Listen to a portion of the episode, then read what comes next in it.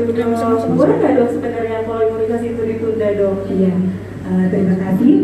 Uh, jadinya pada masa pandemi COVID-19 ini memang banyak sekali ya dok ya pertanyaan dari ibu-ibu maupun bapak-bapak juga ada yang menanyakan tentang keamanan untuk apakah perlu dilanjutkan nggak imunisasinya ya di sini bahwa uh, pada masa pandemi COVID-19 ini tetap imunisasi harus dijalankan sesuai dengan jadwal. Kecuali pada kondisi-kondisi tertentu misalnya uh, pada saat misalnya uh, anak bayi atau bayi ada kontak dengan uh, pasien yang confirm COVID-19 atau uh, pasien berada di daerah uh, yang transmisi lokal untuk COVID-19 ya. Dan juga di situ mungkin kasusnya masif ya.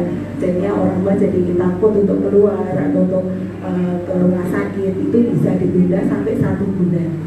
Tetapi setelah itu pun harus segera dikejar untuk imunisasinya. Kemudian juga uh, untuk uh, imunisasi yang pertama itu tetap harus dilakukan sesuai dengan jadwal. Ya gitu. Nah, jadi teman-teman uh, sahabat Mika uh, imunisasi harus tetap dijalankan ya dok ya.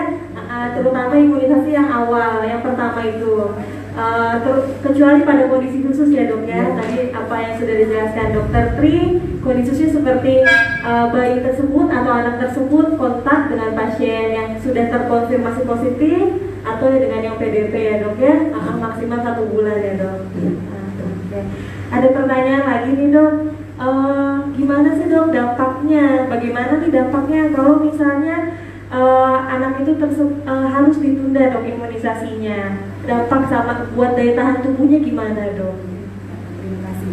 Jadinya untuk uh, dampak penundaan imunisasi ini, terutama kan uh, dampaknya tidak cuma untuk bayi, untuk bayi jelas uh, dengan adanya penundaan ini daya tahan tubuhnya atau uh, untuk pembentukan antibodinya kan juga jadi uh, kurang karena misalnya menundanya lama uh, atau ditunda itu harusnya yang dia dapat. Karena kalau yang apa imunisasi misalnya DPP ya uh, imunisasi lanjutan misalnya dari DPP 1 ke DPP 2 misalnya. Itu kan yang kedua itu fungsinya untuk meningkatkan antibodi yang pertama yang pertama itu kan mungkin masih perkenalan ya, di awal kemudian setelah itu dilakukan imunisasi ulangan untuk meningkatkan titer dari antibodinya. Nah, otomatis kalau ditunda kan otomatis kalau uh, yang antibodi terbentuk di awal itu kan pun akan turun sehingga kalau ditunda ya otomatis dia akan makin turun lagi. Ya itu kenapa sebaiknya imunisasi tetap harus dilakukan. Kemudian juga uh, pengaruhnya juga terhadap uh, lingkungan atau komunitas ya karena pada imunisasi ini tidak hanya uh, perlu untuk bayinya aja, tetapi juga perlu untuk lingkungannya, ya, karena e, di situ dikatakan bahwa kalau misalnya e, suatu di suatu daerah itu cakupan imunisasinya rendah, otomatis akan banyak orang yang rentan atau mudah terkena infeksi, sehingga bisa terjadi kejadian luar biasa, ya karena tidak ada namanya herd immunity, jadinya ya jadinya kekebalan yang e, apa kekebalan yang timbul karena sebagian besar uh, masyarakat yang di situ sudah punya kekebalan. Jadinya biasanya kalau nanti immunity kan paling nggak di atas 90 persen, dengan sampai 95 persen. Itu kan. Iya, uh, jelas pasti ada ya dok ya uh, pengaruh terhadap daya tahan tubuhnya dok ya iya. terhadap pembentukan antibodinya ya dok ya. Uh, jadi sebaiknya uh, sahabat Mika nih buat tetap harus dijalankan ya dok ya imunisasinya ya dok. Iya, Terus dok, uh, di masa pandemi COVID-19 ini dok, uh, ada pedoman khususnya nggak dok buat imunisasi itu dok? Iya, jadinya pedoman khusus uh, menurut rekomendasi dari IDAI ya dok ya, dengan melihat ber, apa, berdasarkan cakupan berdasarkan cakupan imunisasinya yang memang pada tahun 2019 untuk yang DPT 3 dan campak kan juga masih kurang ya dok ya masih kurang dari 90 persen kemudian juga imunisasi dasar itu sangat penting ya untuk uh, terutama imunisasi, imunisasi dasar itu yang di bawah itu kan sangat penting di bawah sampai 18 bulan itu kan uh, sangat penting ya untuk uh, apa daya tahan uh, mencegah meningkatkan antibodi ataupun untuk menjaga uh, kekebalan si anak terhadap penyakit terutama penyakit yang dapat dicegah dengan imunisasi. Kemudian juga uh, apa sampai saat ini kan vaksin untuk COVID-19 kan belum ada ya sampai saat ini. Sehingga uh, tetap perlu dilakukan untuk apa uh, imunisasi pelayanan imunisasi rutin. Kemudian juga diutamakan untuk uh, imunisasi kayak seperti hepatitis B kemudian polio kemudian juga di uh, apa diprioritaskan juga untuk pneumokokus maupun uh, yang influenza ya uh, pada usia 6 bulan. Nanti juga ada yang rekomendasinya itu. Jadinya uh, kemudian juga imunisasi kombinasi lainnya juga perlu diberikan. Dan pada masa COVID-19 ini, pada masa pandemi ini, memang imunisasi uh, diberikan uh, secara simultan ya dok ya. Jadinya untuk apa istilahnya meminimalisir dari orang tua maupun uh, bayinya untuk datang ke rumah sakit jadinya bisa misalnya tiap dua bulan sekali. Jadinya bisa satu kali kunjungan dilakukan imunisasi uh, beberapa. Jadi misalnya pada usia dua bulan bisa dilakukan imunisasi yang uh, apa imunisasi misalnya untuk yang aseluler atau yang petabio OPV kemudian uh, pneumococcus maupun uh, rotavirus ya kemudian atau heksasi, kemudian rotavirus sama pneumococcus bisa itu diberikan sekali sekaligus ya jadinya dalam satu kunjungan. Sehingga yang bulan berikutnya tidak perlu ke rumah sakit ya kalau ada bulan apa apa ya. Kemudian baru uh, dua bulan kemudian untuk imunisasi yang sama seperti itu ya pas dua bulan. Untuk meminimalisir kunjungan seperti itu ya dok ya,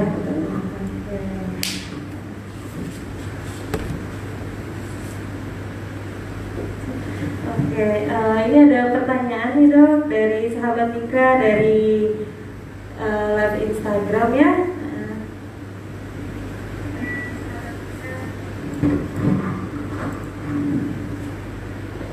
Oke, sebentar dong.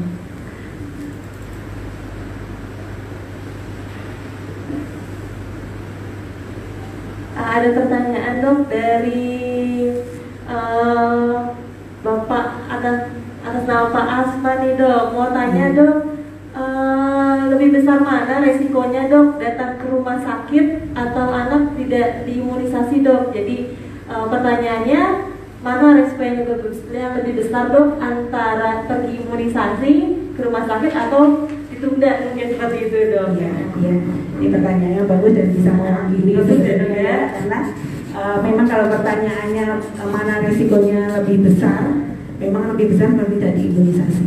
Karena pada waktu datang ke rumah sakit pun uh, sekarang kan sudah ada uh, istilahnya pedoman sesuai anjuran pemerintah ya dok ya untuk uh, ada dari pihak pasiennya, kemudian kita tenaga medis bahwa dengan mengikuti anjuran pemerintah untuk memakai masker, kemudian uh, menjaga jarak, ya, kemudian cuci tangan, kemudian dari rumah sakit juga ada apa istilahnya untuk jadwal imunisasi diberikan jam-jam tertentu yang dipisahkan dengan yang uh, yang, yang misalnya yang dia berobat untuk sakit.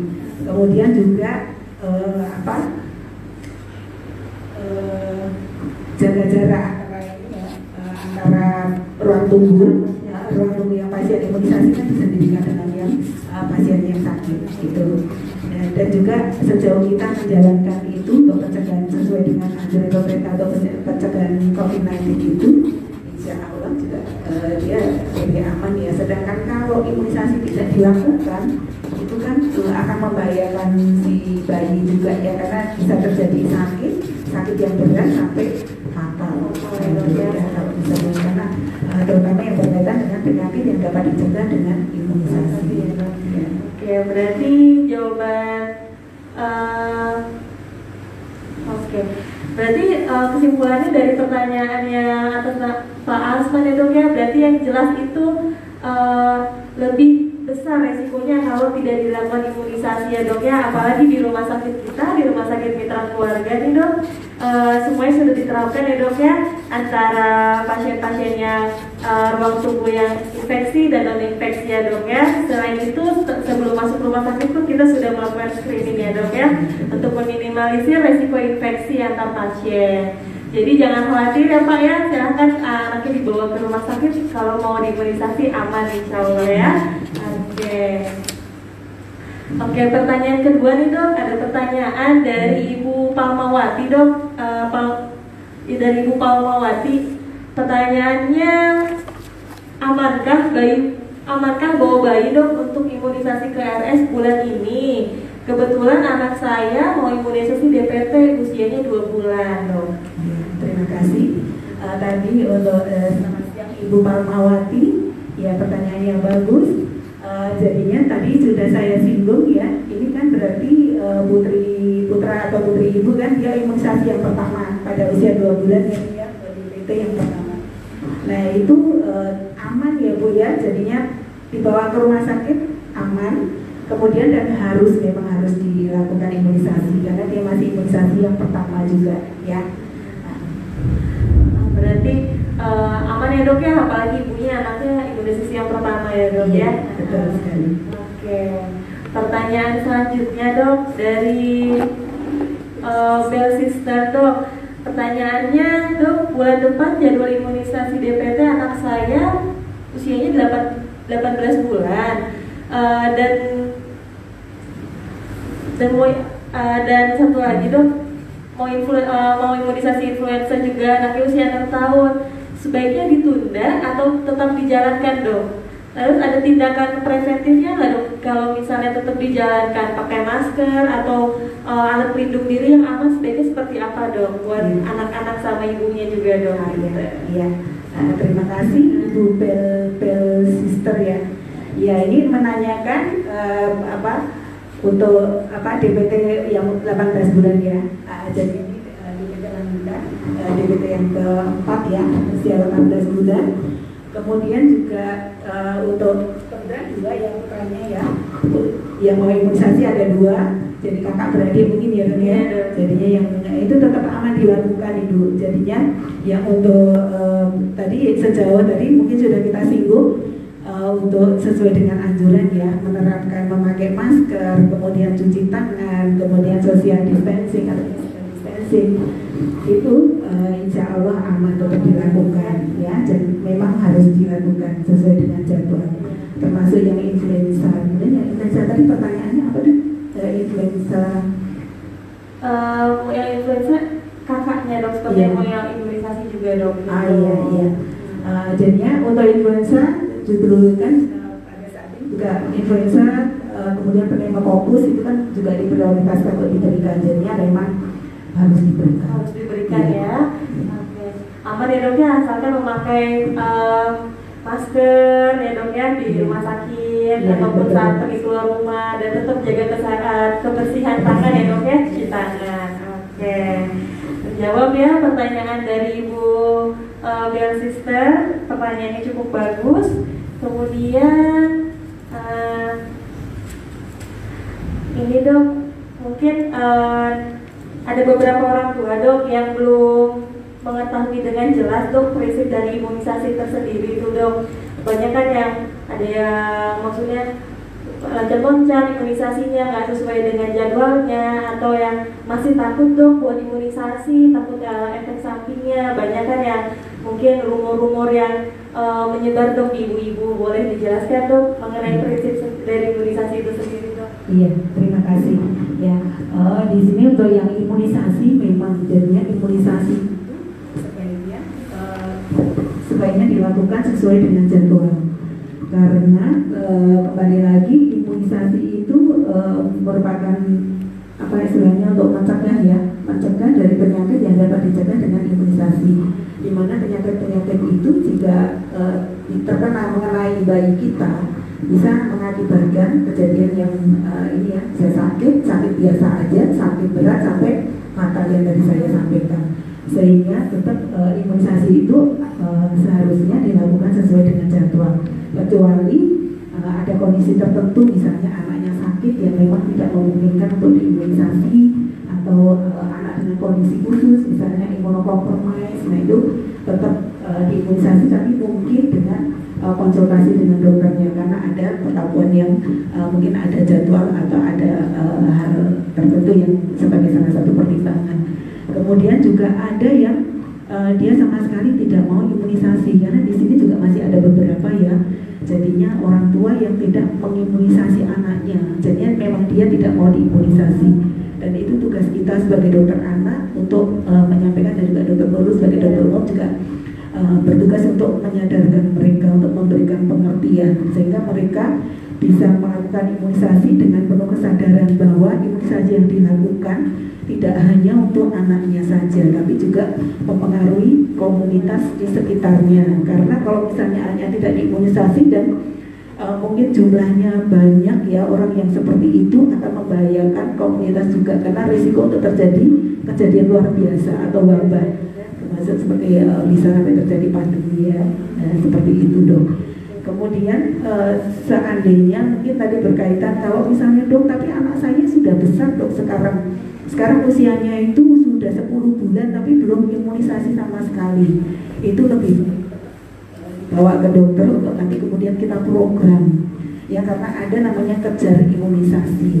Ya jadinya imunisasi itu ibarat memang terlambat tapi masih bisa kita kejar ya. Kemudian uh, kita akan melakukan uh, kejar imunisasi yang biasanya kita lakukan uh, sebisa mungkin secepat mungkin untuk mengejar itu. Sesuai dengan aturan ya otomatis untuk intervalnya kita pakai interval yang terpendek misalnya 28 hari.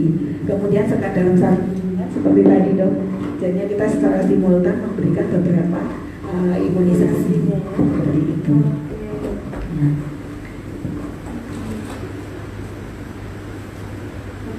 uh, ada tambahan nih dok kan uh, banyak uh, dari ini ya dari ibu-ibu yang tanya dok kalau misalnya lagi demam atau pilek-pilek ringan atau demamnya nggak tinggi dok sebenarnya itu uh, harus tetap dilakukan saat itu atau sebaiknya sih ditunda dok kalau buat imunisasinya dok? Iya, hmm. itu juga kasusnya banyak ya dok ya. Iya. Jadinya untuk anak yang dengan flu kalau misalnya cuma pilek-pilek biasa tidak ada demam terus kondisinya juga bagus. Ya memang kalau misalnya itu harus dibawa ke dokter ya dok ya biar nanti diperiksa. Jadinya apakah memungkinkan atau tidak. Tetapi kalau cuma karena flu biasa yang cuma batuk pilek tanpa disertai demam anaknya juga aktif itu tetap bisa dilakukan imunisasi.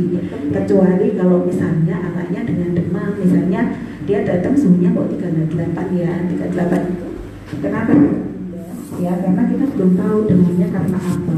Takutnya nanti dia adiknya demam si bayi demam kemudian kita lakukan imunisasi dan dia demamnya tinggi yang kemungkinan karena perjalanan penyakit karena demamnya yang tadi tapi kemudian imunisasi yang disalahkan. Nah itu yang uh, biasanya kalau demam kita tunda sampai demamnya turun. Itu ya. dikhawatirkan ya, ya? tapi kalau demamnya di bawah 38 cuma 375 376 juga biasanya tetap dilakukan Nah, ada pertanyaan lagi nih dok dari sahabat Mika dok, uh, dari Ibu Dewi Novitiani dok, dok anak saya uh, harusnya imunisasi MR bulan Maret lalu dok, tapi karena pandemi COVID ini saya tunda, tapi anak saya sekarang usianya udah 12 12 bulan. Pertanyaannya, apa masih bisa dilakukan dok imunisasi MR-nya dok? Masih bisa, jadinya uh, masih bisa dilakukan ya di MR kan harusnya 9 bulan. Kemudian nanti kan ada lagi yang usia 18 bulan atau 2 tahun ya. Jadinya nanti yang terlambat itu tetap kita lakukan secepat mungkin uh, untuk dikejar. Kemudian yang selanjutnya tetap mengikuti jadwal dengan minimal karena kalau jangka uh, MR pertama ke MR kedua kan ada jarak minimalnya 6 bulan.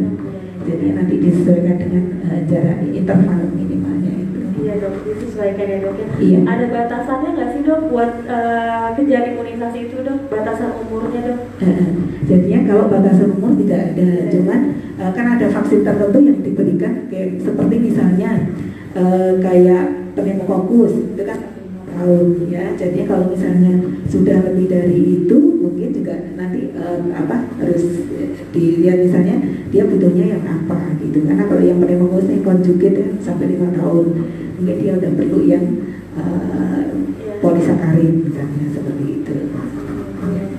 Kemudian uh, ada pertanyaan lagi dok dari sahabat Tika dari Instagram nih dok uh, ya. dari Ibu Jeng Anggita. Pertanyaannya kalau imunis imunisasi dasar udah lengkap, apa masih harus untuk imunisasi booster dok di masa wabah seperti ini? Ya. Boosternya masih perlu nggak dok? Lagi wabah nih dok, lagi pandemi. Ya. Jadinya uh, untuk uh, tadi juga sudah saya disinggung di depan ya uh, untuk Ibu Jen, Jen Anggita ya uh, untuk imunisasi booster itu tetap harus dilakukan karena booster itu fungsinya dia untuk meningkatkan uh, antibodi yang sudah diberikan pada imunisasi dasar. Jadinya dari penelitian yang memang kadarnya mulai turun sehingga pada usia itu harus dilakukan booster untuk menaikkan kembali sehingga antibodi yang ada dalam tubuhnya itu akan bertahan lama dalam badannya. Kemudian nanti setelah itu kan baru dapat lagi sekitar uh, kelas 1 ya. Iya, jadi tetap uh, tetap aman ya dok ya, tetap harus dilakukan booster itu ya dok ya. Apalagi di masa pandemi ini kita harus meningkatkan antibodi ya dok ya. Uh, jadi jangan takut teman uh, sahabat kita buat uh, apalagi uh, kami dari rumah sakit Mitra Keluarga uh, sudah terjamin dari proses uh, sebelum kita masuk rumah sakit sudah di screening ya. Jadi kita sudah terjamin aman dan nyaman buat sahabat Mika sekalian apalagi buat uh, mau antar buat imunisasi anak-anaknya gitu. Apalagi jamnya juga terpisah ya dok ya buat uh, jam imunisasi itu khusus dan ruang tunggunya pun dipisahkan ya dok ya hmm. jadi sudah berjalan jadi untuk jam imunisasi di rumah sakit Mitra Keluarga Cikarang jam 10 sampai jam 12 jam 10 ya. sampai jam 12 ya dok ya, ya. terus setiap hari ya dok ya setiap hari, setiap hari ya. dan untuk jam kunjungannya kan juga uh, sekarang lebih ini ya jadi datang tidak sampai numpuk antri karena orang-orang datang sudah sesuai dengan uh, jam perjanjian jam perjanjian ya. ya dok ya jadi jangan takut ya sahabat Nika buat ke rumah sakit ya buat imunisasi ada pertanyaan lagi dok dari Ibu Hilda Christine dok. Uh, dokter lusa anak saya jadwal imunisasi, imunisasi MR. Saat ini lokasi rumah saya berada di red zone dok, zona merah katanya dok. Apakah dapat ditunda dok? Bila boleh, sampai berapa lama dok ditundanya? Terima kasih, uh, Ibu Hilda ya. Uh, ini yang halo. Uh, untuk yang imunisasi imunisasi MR berkaitan dengan racun ya. Jadinya memang uh, sejauh sebetulnya se sejauh uh, bisa menerapkan tadi yang itu dok yang untuk uh, apa pencegahan itu tidak masalah ya. Tetapi kalau misalnya memang takut ya untuk ke rumah sakit kemudian juga di situ uh, mungkin di rajin kemudian kasusnya juga banyak sehingga itu bisa ditunda sampai satu bulan tetapi setelah satu bulan pun sebaiknya juga segera dilakukan. Tetapi kalaupun dilakukan sebenarnya sejauh kita aman karena di rumah sakit mitra kan juga aman ya kita sudah menerapkan itu, itu saya kira aman untuk dilakukan. Oke, uh, berarti pertanyaannya uh, terjawab ya dok ya. Aman buat dilakukan uh, imunisasi. Apalagi kami di sini sudah sangat menerapkan proses kebersihan ya dan screening. Uh, jadi jangan takut ya bu ya buat dibawa ke rumah sakit untuk imunisasi. Gitu. Kemudian belum ada lagi dok pertanyaan kita sekarang ini dok uh, gimana sih dok cara ngurangin uh, mengurangi resiko tertular COVID dok? COVID-19 waktu saat pergi imunisasi selain uh, yang nganter pakai masker atau uh, apa dok duduknya nggak terlalu deket-deket artinya social distancing mungkin ya dok. Ya cara lainnya ada nggak dok buat mengurangi resiko terpapar gitu dok? Uh, resiko terpapar ya uh, mungkin menjauhi ya orang yang dengan batuk pilek.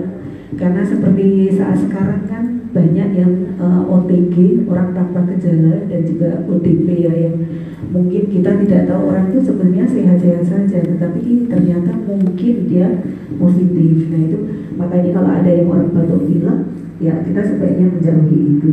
Kemudian juga yang tadi tadi uh, seperti biasa ya gejalanya cuci tangan memakai masker kemudian physical atau social distancing.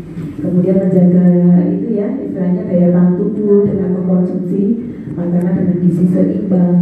Kemudian olahraga berjemur ya dok ya.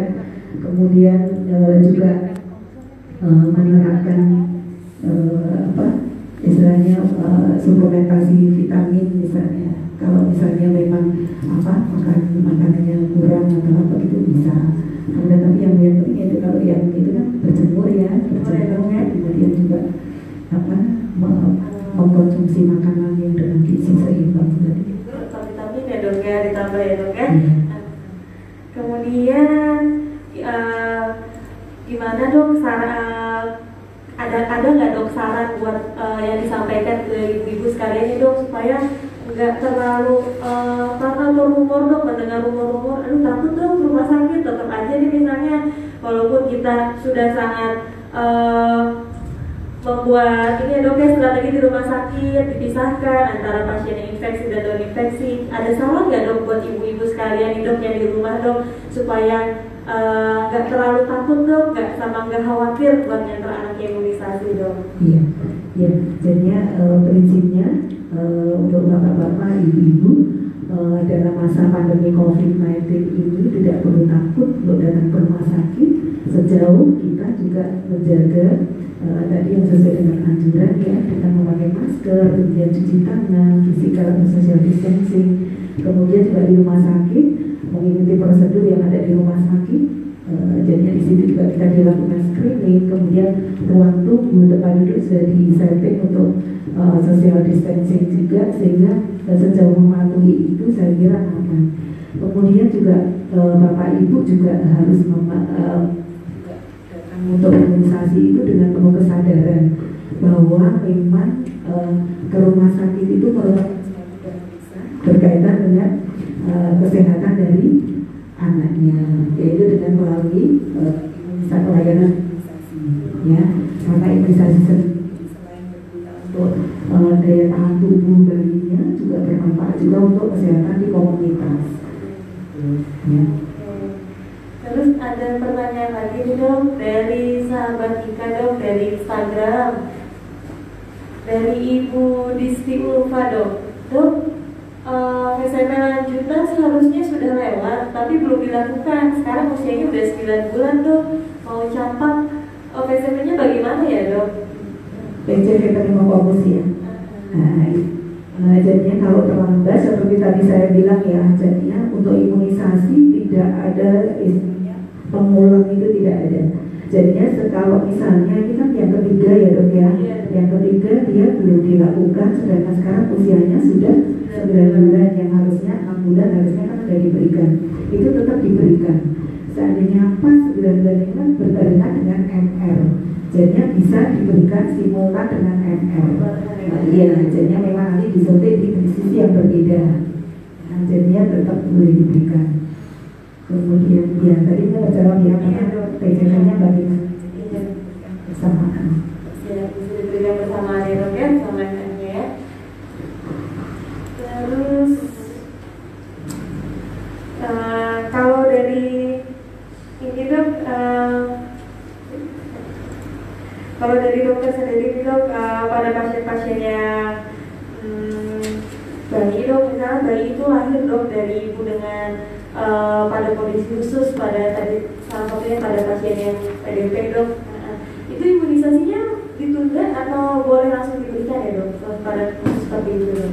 Iya, uh, terima kasih. Ya, jadi untuk bayi yang lahir dari ibu dengan PDP itu juga harus kita lihat kondisi bayinya ya jadinya kalau misalnya ibu uh, sampai saat ini kan untuk transmisi vertikal juga masih belum uh, terbukti ya dari jadinya uh, belum dibuktikan bahwa ada transmisi vertikal jadinya kalau misalnya uh, bayinya yang sehat, uh, bugar, tidak ada masalah, kemudian yang uh, ibunya juga uh, PDP, kan kalau PDP berarti belum tentu confirm ya.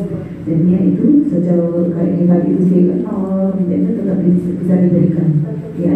Kemudian yang penting di sini, kalau misalnya bayi lahir dari ibu dengan uh, PDB yang penting uh, ini kan nanti termasuk yang itu ya perawatannya kemudian untuk pemberian asi kemudian yang uh, apa perawatan di dalam kamar bayi juga juga harus diperhatikan.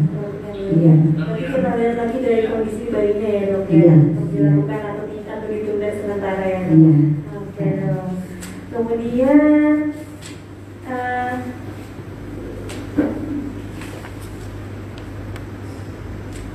Dok, uh, ini sekarang kan banyak yang dok rumah sakit, mau konsultasi dok via online. Sebenarnya uh, bisa nggak sih dok konsultasi via online nih dok? Tanya-tanya dulu misalnya, dok anak saya mau imunisasi nih, imunisasi uh, MR atau apa dok bisa nggak dok konsultasi via online itu dok? Iya bisa. Jadinya sekarang kan di Mitra karena ada pandemi COVID ini uh, ada namanya telekonsultasi ya dok ya. Jadinya semua uh, ada dokternya ada dokter anak uh, pada kondisi ini bisa bisa jadinya uh, bisa melakukan appointment uh, untuk kemudian uh, apa konsultasi tentang bisa tentang imunisasi kemudian tentang sakit apa terutama kondisi-kondisi uh, yang mungkin uh, apa tidak memerlukan kegawalan bukan merupakan kegawalan ya dok ya. Karena kalau uh, konsultasi memang tidak menggantikan tidak bisa menggantikan yang langsung bertatap muka dengan dokternya tetapi uh, bisa dari dokternya akan melihat uh, jika apa uh, kondisinya bagus uh, itu mungkin kita akan jelaskan lewat konsultasi tetapi kalau memang perlu untuk diperiksa lebih lanjut akan kita anjurkan untuk ke UGD atau ke dokter yang uh, on duty atau sedang ada di rumah sakit. Ya. Uh, bisa ya, uh, berarti bisa ya dok ya dengan caranya nih uh, bisa ketik hai sahabat kita yang mau konsultasi uh, konsultasi via online gak belum sempat atau masih takut nih ke rumah sakit bisa ketik hai HI kirim ke 0822 100 kali 8080 Oke, saya ulang. Jadi kalau buat teman-teman nih yang uh, buat ibu-ibu atau sahabat kita sekalian yang mau konsultasi via online, boleh ketik hai, kirim ke 0822 1080 80. Jadi uh, bisa tanya-tanya dulu ya dok ya buat konsultasi online ya dok ya selama bukan kegawat darurat ya dok. Nah, jadi jangan takut uh, jangan ragu juga nih tadi bisa tanya-tanya dulu via, via nomor telepon yang tadi oke okay. ada pertanyaan lagi nih dok dari sahabat Nika dari Instagram dari Ibu Omi Deli dok imunisasi yang terlewat yang terlewat kemudian diberikan bersamaan dengan imunisasi yang sesuai jadwal apakah pembentukan imunnya tetap optimal dok? Tadi yang seperti mungkin disinggung secara bilang berikan secara simultan dok, bukan antibodi antibodinya gimana dok? Terganggu nggak dok? Oh, ya, ya, pertanyaan yang bagus ya.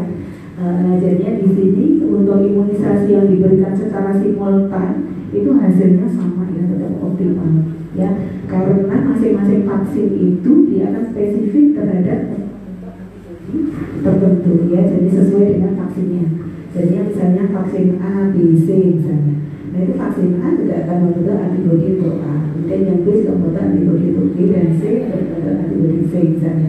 Jadinya uh, bukan berarti kalau nanti akan uh, nanti akan menjadi oh, oh jadi kayak bingung gitu ya tidak jadi kayak campur gitu. Uh, itu udah membentuk ya antibodi yang spesifik ya seperti ini kan kalau imunisasi itu kan memang tujuannya untuk memberikan uh, membentuk respon imun yang spesifik sesuai dengan antigen yang kita masukkan. Seperti itu. Ya kemudian uh, memang ada ini ya dok yang saya tambahkan jadinya uh, kalau misalnya ada ya kalau misalnya vaksin hidup dengan vaksin hidup gimana dok? Misalnya vaksin hidup itu misalnya kayak campak misalnya campak dengan misalnya uh, NK ya misalnya NK dengan kaligrama itu boleh nggak diberikan bersamaan nah, kan sesama hidup ya dok ya. Kalau sama hidup dengan hidup nah itu tuh boleh diberikan bersamaan tetapi kalau misalnya dikasih jeda itu tetap malah harus misalnya sekarang diberikan. Terus uh, harus diberikan kalau misalnya waktu yang berbeda dia harus ada jarak minimalnya 28 hari. Tetapi kalau misalnya dengan vaksin mati yang inactivated ya itu boleh ya, uh, ada jaraknya minimal 28 hari gitu. Kecuali kalau misalnya untuk vaksin yang sama memang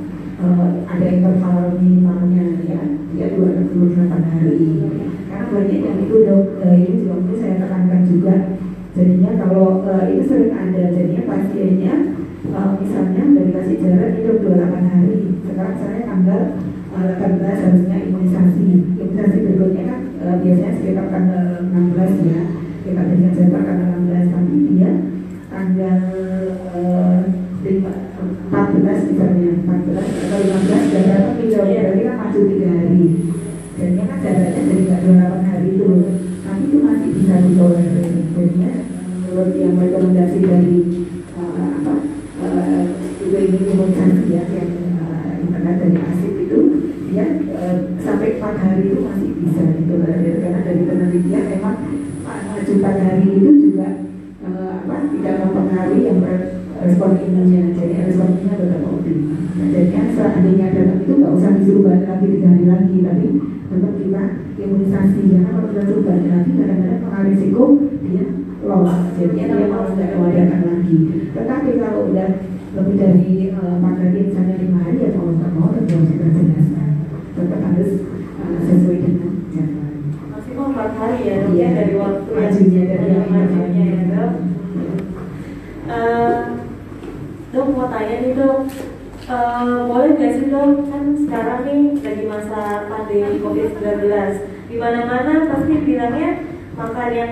baik, makan yang teratur atau makan makanan yang bergizi ditambah minum vitamin. Hmm. Sebenarnya dok kalau buat anak-anak sendiri nih dok uh, di masa pandemi boleh nggak sih dok minum vitamin tuh setiap hari terus misalnya jangkanya panjang dok itu aman nggak sih dok kalau buat anak-anak seperti itu? Iya, uh, jadinya ini yang mungkin yang uh, kalau yang vitamin yang multivitamin mungkin nggak uh, masalah ya dok ya tapi yang di sini itu sekarang karena musim pandemi COVID-19 orang tua memberi uh, imun ya jadi imunomodulator atau uh, apa imunostimulan. Nah itu kalau diberikan terus menerus dia tidak boleh sebenarnya ya karena uh, itu kan ditujukan pada anak yang memang sakit atau mau, mau sakit dan mau sakit gitu ya. Dan itu ada jaraknya maksimal kan 5 sampai 7 hari. Tapi kalau itu biar obat terus dia diberikan terus menerus itu tidak tidak boleh ya tidak boleh ya dok ya iya. oke berarti uh, tetap ya dok ya yang pertama itu dibanding harus uh, dibanding harus imunisasi dibanding harus uh, mengonsumsi vitamin yang jangka panjang uh, lebih baik tadi ya dok ya pola makan hmm. karena pemberian uh, vitamin jangka panjang juga uh, tidak direkomendasikan ya dok ya hmm. maksimal 5 sampai tujuh hari ya dok ya itu yang untuk kayak psikolog imunostimulan stimulan yang stimulan gitu ya imunostimulan atau uh, yang imunomodulator dulu. Nah kemudian kalau yang misalnya itu ya yang penting pemberian makanan dengan gizi seimbang. Itu mungkin gizi seimbang ya dok ya? Makanan dengan gizi seimbang yang paling penting ya dok. Kemudian uh, oke. Okay. uh, bahasannya cukup sangat menarik ya dok ya? Uh, uh, apalagi sekarang kan uh, di masa pandemi ini. Memang itu pertanyaan yang paling sering sih dok dari ibu-ibu atau orang tua. Sekalian di sini dong yang sering tanya mau imunisasi takut hmm. uh, pertanyaan terakhir nih dok. Uh, alurnya dok alurnya kalau buat pasien yang mau bawa anak yang buat imunisasi dok bagaimana sendiri sih dok alurnya kalau di rumah sakit kita ini dok? Uh, Iya, uh, jadinya alurnya dari jadi kalau misalnya untuk uh, melakukan imunisasi di rumah sakit, uh, sebaiknya bapak ibu melakukan perjanjian dulu dengan dokternya, kemudian juga uh, dilakukan sekarang di sini sudah ada jamnya ya ya jam 10 sampai jam 12 jadinya mungkin orang tua juga datang sesuai dengan jam imunisasi karena di jam itu apa resiko untuk apa kontak atau istilahnya berbarengan dengan yang infeksi juga mungkin berkurang karena memang jam-jam itu untuk kita yang anak kebetulan satu lokasi ya ya. Nah itu juga memang untuk yang uh, imunisasi untuk imunisasi. Kemudian juga uh, mematuhi alur yang ada di rumah sakit jadinya ada udah ada petunjuknya juga petunjuk data dia harus di juga pas sebelum masuk. Kemudian untuk men-screening dia cuma atau tidak kemudian uh, kalau misalnya dia aman dia akan masuk kemudian dia sesuai dengan alur-alur itu dia dia mendaftar kemudian nanti menunggu uh, di ruang tunggu kemudian nanti untuk kemudian dilakukan uh, imunisasi dan kemudian pulang. Oke. Uh, buat uh, appointment juga bisa ya dok ya? Uh, yeah. via online ya dok ya? Kita bisa ketik hai juga ketik ke uh, kirim ke 0822 1080 80 kita ulangi lagi ke 0822 1080 80 jadi buat uh, ini ya dok ya? Uh, appointment ya dok ya? Supaya uh, nanti sampai sini juga enak langsung dilayani karena uh, sudah terjadwal ya dok ya uh, Oke. Hmm. Oke, pertanyaan terakhir nih dok. Eh, kalau misalnya ini dok, eh, mungkin tips-tips terakhir ya dok, tips-tips ya dok ya buat para orang tua nih dok yang mau bawa anaknya ke rumah sakit. Eh, sebaiknya itu eh, selain apa selain menggunakan masker dok udah nggak lagi nggak demam juga. Ada lagi nggak dok tipsnya buat eh, ibu-ibu yang mau ke rumah sakit tuh Eh, kalau tipsnya tadi kita disebutkan ya jadinya eh, yang penting ya jaga kondisi anaknya dengan pemberian makanan dengan gizi yang seimbang. Kemudian juga eh, perlindungan diri ya ke ibunya juga selalu memakai masker meskipun dia sehat karena kalau bayinya nggak mungkin masker jadi kita yang menjaga agar dia tidak tertular. Eh, kemudian juga eh, istilahnya pola eh, perilaku hidup sehat ya eh, perilaku hidup sehat. Kemudian juga yang tadi istilahnya yang tadi ya dok ya secara umum yang untuk apa pencegahan Pencegahan COVID-19 umum ya, itu ya. secara umum. Ya kemudian juga yang saya mungkin yang sebagai itu ya dok ya. Kalau secara keseluruhan ya tetap imunisasi harus dilakukan sesuai dengan jadwal. Kemudian eh, apa lakukan eh, anjur sesuai dengan anjuran pemerintah untuk selalu memakai masker. Kemudian juga eh, apa memakai masker social distancing atau physical distancing. Kemudian cuci tangan ya dok ya. Terima kasih dokter. Mungkin eh, saya ambil sedikit dok kesimpulannya dari eh, simul dari ngobrol-ngobrol kita nih siang ini ya dok ya. Yang pertama eh, sahabat Mika jangan khawatir buat bawa anaknya untuk imunisasi ke rumah sakit. Eh, terutama kami di rumah sakit Mitra Keluarga, Mitra Keluarga Cikarang, eh, kami sudah eh, menerapkan uh, beberapa protokol untuk pencegahan ya dok ya antara pasien menular dan tidak menular. Jangan takut uh, ke rumah sakit, kami aman dan nyaman dan kami tersedia klaster khusus ya dok ya buat imunisasi.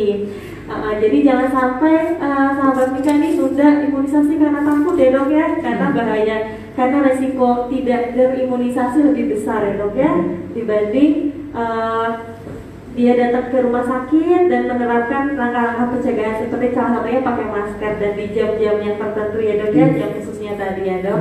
Jangan lupa juga bu- eh, jangan ragu buat sahabat Mika kalau mau tanya-tanya dulu via online buat appointment bisa tadi klik hi ke kirim ke nomor 0822 1080 80 jadi jangan lupa buat appointment ya dok ya biar eh, uh, proses uh, imunisasinya juga lancar.